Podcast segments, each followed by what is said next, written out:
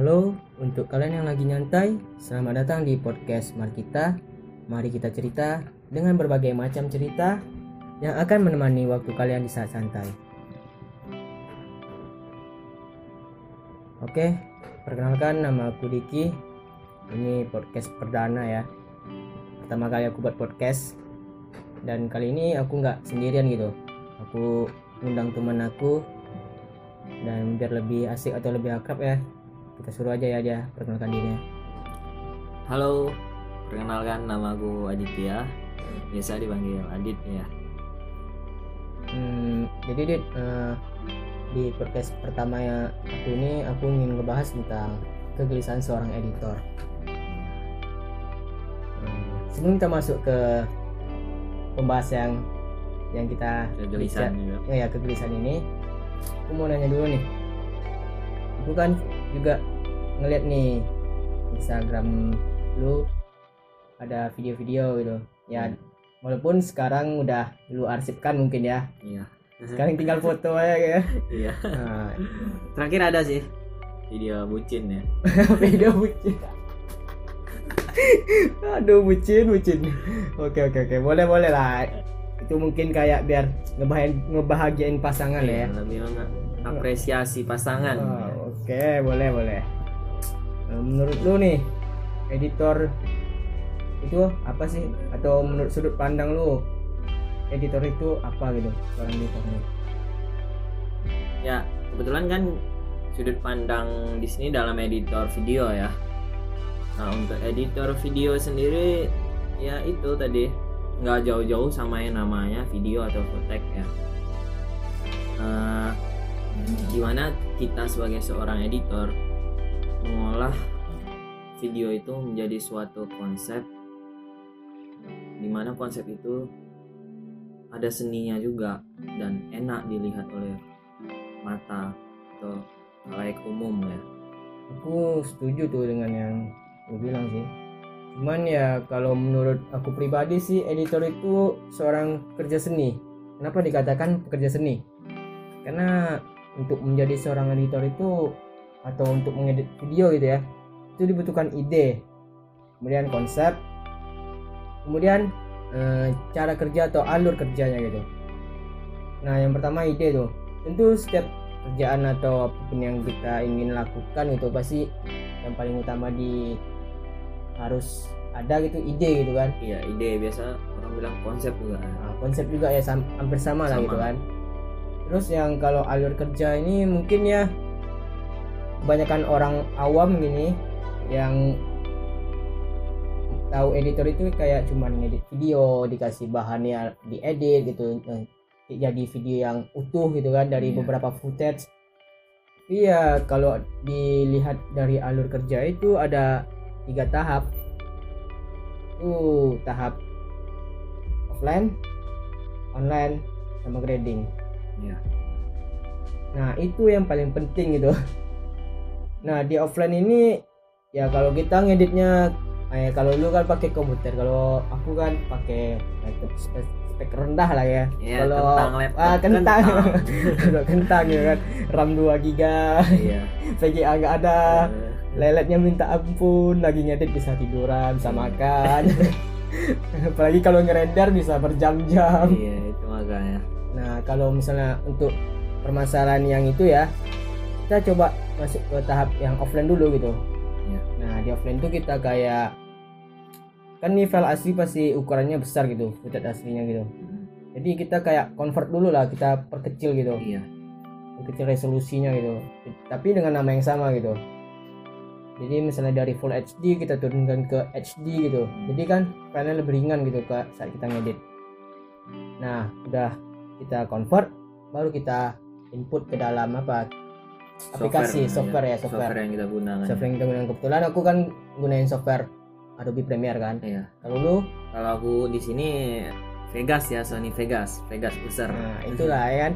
Jadi setelah kita masukin bahannya ke timeline, kalau di Premiere kan namanya timeline. iya kita masukin bahannya terus kita baru mulai nih nyusun-nyusun gimana cerita dari video yang diinginkan gitu iya Nah. kita apa itu kita preview video yang satu-satu iya kita putar. preview kita cut lah namanya kan Iya. kita susun lah susun. Nah habis susun itu biasanya baru kita masuk ke online. Kita biar masuk ke online itu ya kita kayak nge-offline kan datanya dulu gitu. Iya. kita offline kan data kemudian baru kita panggil data asli. Nah udah kita panggil data asli itu otomatis kita masukkan file yang asli yang full HD tadi gitu. Itu bakalan berat gitu ya Hmm, kalau laptop kentang gitu nge-lag gitu kata orang nge-lag. Kayak main main di warnet nge-lag. Iya nge-lag cuy. Terus udah masuk online nih baru kita ngasih ngasih efek-efek ya mungkin transisi ya kayak transisi di soft kalau di Premiere ada di soft plus di soft film di soft gitu. Itu ada dan setiap transisi itu juga ada maknanya gitu. Iya nggak bisa langsung ngasih-ngasih transisi Nah, asal-asalan yang jadi ngaco Nah, video tuh. ngaco video kan nggak sesuai nanti nggak ngerti yang nonton gitu kan. Jadi setelah kita ngasih efek nih udah selesai ngasih efek terus nggak mungkin dong videonya cuman kayak warnanya flat gitu nggak nggak nggak enak dipandang mata gitu. Ya pasti kita juga ada ngasih warna ya dalam istilah editingnya itu grading ya. Iya, grading kalau Nah. grading. itu dia. Kita grading kita sesuaikan warnanya gitu. Gimana apa ya feel yang ingin disampaikan di dalam video gitu. Nah setelah itu baru kita render baru jadi video yang utuh gitu kan. Dan mungkin ya videonya tuh lebih enak dipandang gitu ya kan setelah di grading dan juga itu sih yang harus dipahami kalau kita sebagai seorang editor ya. Tapi ada juga tuh dik satu lagi gimana kita nentuin background atau lagu Ah, iya. dalam video tersebut? Itu juga tergantung dari cerita video ya. Biasanya Iya. gitu. Kalau aku sendiri nentuin suara audio background itu itu hal yang buat lama. Nah gimana kita harus milih suara atau backsoundnya tuh tepat sama eh, videonya gitu. Nggak sembarangan. Terus tepat sama temponya tempo video dengan audio harus sinkron gitu Oh, kalau lu nih pasti ngedit video Instagram pasti kan? iya biasanya sih Instagram gitu kayak enak dilihat gitu Kalau Instagram ya lebih ke sinematik gitu ya. iya Tapi kalau untuk film sih tergantung dari apa ya dulu gitu. Apa ya yang disa- ingin disampaikan sutradara gitu. Hmm. Terus eh, itu sih yang penting. Pokoknya kalau editor itu bukan seorang tukang edit video lah bahasa kasarnya gitu. iya Lebih tepatnya kayak pekerja seni. Hmm. karena mereka juga berpikir gitu berimajinasi dalam ngedit video gitu Iya. nah untuk yang selanjutnya nih lu pandai editing video sejak kapan sih Kalau aku sendiri editing video itu mulainya dari SMK ya. Itu kebetulan karena jurusan SMK itu DKV atau mungkin lebih mirip multimedia ya. Nah, dari situ sih belajarnya. Tapi untuk di SMK itu waktu itu masih apa Adobe Premiere. Dan untuk Vega sendiri itu otodidak dari YouTube. kenapa lu nggak coba Premiere? Gimana ya? Karena bingung cuy nengok apanya tuh tampilan awalnya tuh udah banyak. Lihat workspace-nya iya layoutnya tuh udah aduh ya Allah. Dan terus cari yang simple gitu kan kebetulan coba beberapa akhirnya netap di hmm, Vegas. Kalau aku kalau pandai editing itu sebenarnya dari sejak kelas 2 SMA sih. Mulai tertarik lah ya tertarik ke dunia editing. Itu pertama kali pakai aplikasi Movie Maker lah. Iya movie maker Pemula. Movie maker kemudian ada tem- salah satu teman nih waktu SMA dia nyaranin pakai Premiere aja deh katanya. Lebih enak kok katanya mudah lagi. Nah dari situ aku coba pakai Premiere aku belajar secara otodidak ya kan? Akhirnya sering berjalan waktu aku bisa. Dan kayaknya nyaman sih pakai Premiere gitu nggak repot gitu. Lebih asik gitu. Dan workspace-nya lebih enak dipandang gitu nggak ribet-ribet yang lu bilang lah Dit. malah aku lebih ribet nengok Vegas sih iya tapi tapi tergantung pribadi tergantung pribadi sendiri gimana. bisa harus memaksa ya kan. Cuman kalau untuk ya software yang digunakan dalam dunia kerja ya Adobe Premiere biasanya. Ya, Vegas itu kebanyakan ya. langkah dulu sih yang pakai Vegas ya kan Ah. zaman zamannya Chandra Leo Hmm, si Vegas. Sekarang udah punah sih ya. Nah, terus kita masuk ke topik nih Iya. pembahasan kita nih boleh boleh boleh selama lu jadi editor nih ada nggak lu kayak ngalami kegelisahan dalam ngedit video atau mendapatin klien lah? Ada nggak? Untuk kegelisahan kalau kliennya umum itu bagi aku nggak ada pernah gelisah sih.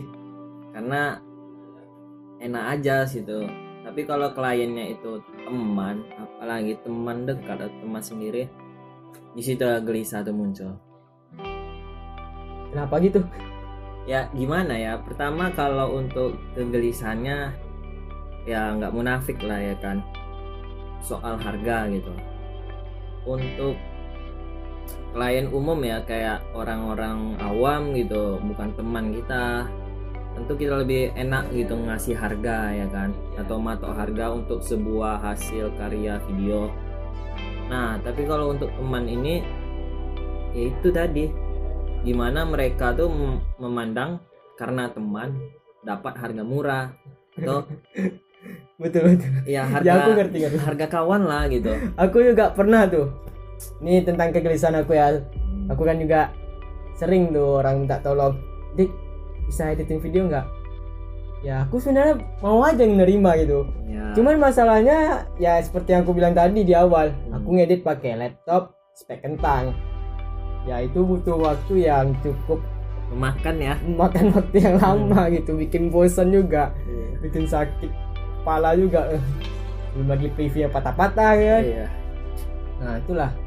Dia dia pasti bakalan nanya tuh teman yang biasanya minta tolong editing video, Dik, eh, editing video, video eh, editing video berapa sih bayarnya gitu? Ya apa tanggapannya gitu?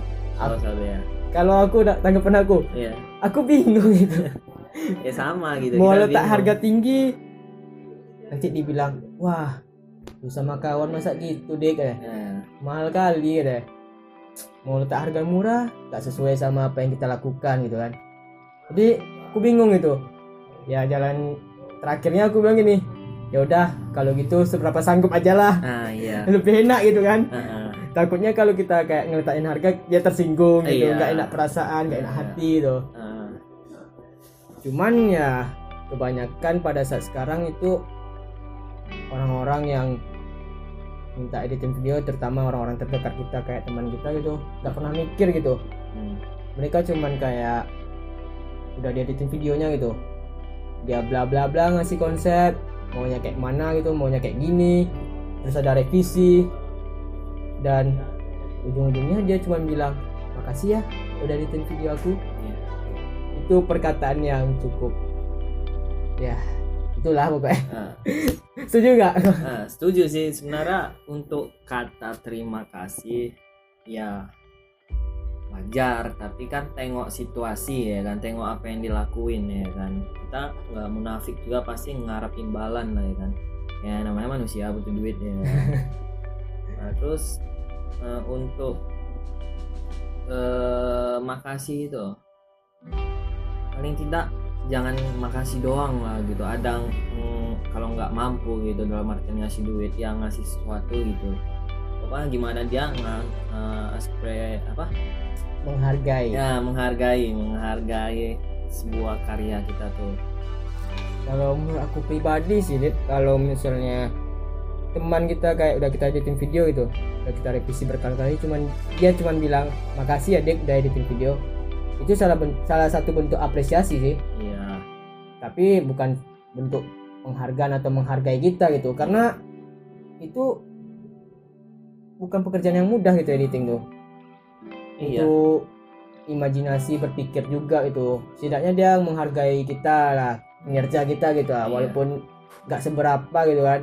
Hmm, ya mungkin kalau misalnya dia nggak mau ribet dia ngasih imbalan ya. Kita seorang editor juga nggak munafik juga kalau to- soal imbalan gitu. Pasti ngarepin uang lah ya kan. Nah, ngarepin uang gitu kan.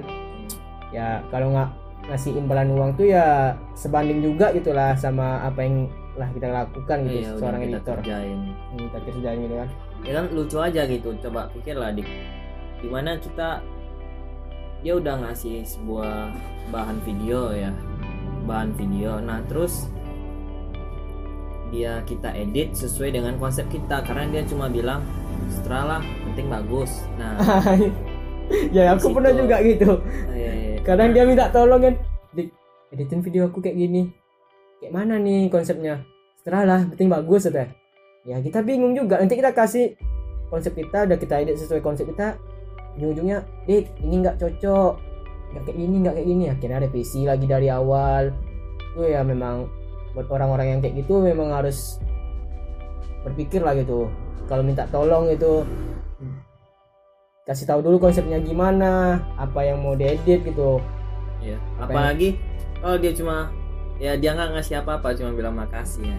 Kalau itu sih nggak apa-apa dit. Ah, itu kalau untuk awal-awal ya itu nggak apa-apa Iya, gitu. perkenalan lah gitu perkenalan gimana ya biar orang tahu juga kan atau dari situ juga orang dari tahu. dia kita promosi juga eh, gitu. dia promosiin ke teman-teman yang lain gitu kan. Nah, kalau kita tuh bisa ngedit video itu awal-awal sih nggak masalah gitu. Cuman ya makin lama makin lama ya hati ini nggak bisa nerima gitu. Hmm. kalau sekali nggak masalah. Awal-awal nggak masalah ya kan. Kalau udah kayak gini nih udah jadi masalah gitu. Hmm. soalnya kan kita juga ngelakuin pekerjaan itu dengan ikhlas gitu ya kan seharusnya dia lebih menghargai gitu. Ya walaupun dia misalnya nggak punya uang gitu nggak punya uang banyak untuk ngasih kita imbalan ya mungkin seperti yang lu bilang tadi bisa ngasih sesuatu atau saat kita ngedit mungkin dia beliin kita cemilan atau udah selesai videonya udah kita revisi mungkin dia kayak ngasih sesuatu yang mempunyai manfaat lah. Iya berguna gitu buat- untuk kita. Mungkin bisa jadi dia ngasih sling bag yang murah walaupun murah ya gitu tapi kan berharga gitu bukan Bermanfaat. masalah murah ya tapi gimana dia bentuk harganya. Menghargai ya itu betul loh. Misalnya ngasih buku buku kayak buku kuliah lah misalnya mata kuliah ini dia ngasih buku buku ke kita atau buku tentang editing film gitu kan. Jadi lebih enak sih. Lebih kayak dia menghargai kita kita juga menghargai dia gitu kan. Iya. Jadi lebih enak gitu. Ada feedback. Ada feedbacknya gitu kan. Hmm. mungkin sekian dulu di podcast yang pertama ini. Sampai sini aja. Eh, jadi buat kalian yang sering minta tolong ke teman kalian yang pandai editing video bagaimana kalian untuk menghargai dia gitu? Kalau kalian cuma bilang makasih itu salah satu bentuk apresiasi ya tapi kalau untuk menghargai ya mungkin kalian lebih ngasih sesuatu gitu walaupun nggak uang itu nggak harus materi juga sih kita ngasih imbalan gitu. Kita juga bisa ngasih sesuatu yang mungkin buat dia senang gitu. Jadi kan lebih enak gitu.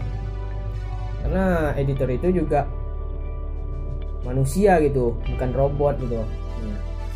Ya, itu aja sih pesannya ya kan? Eh, belum lagi kalau editor lo pakai laptop kentang.